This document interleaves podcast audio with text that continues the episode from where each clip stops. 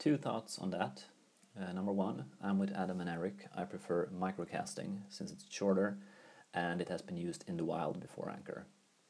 And number two, if a name alluding to podcasting should be used, I think Anchor needs to actually embrace the openness of podcasting. Each user account should have an RSS feed with the waves so that it's not locked down into Anchor. So anyone can listen to anyone's waves, even in regular podcatchers as well.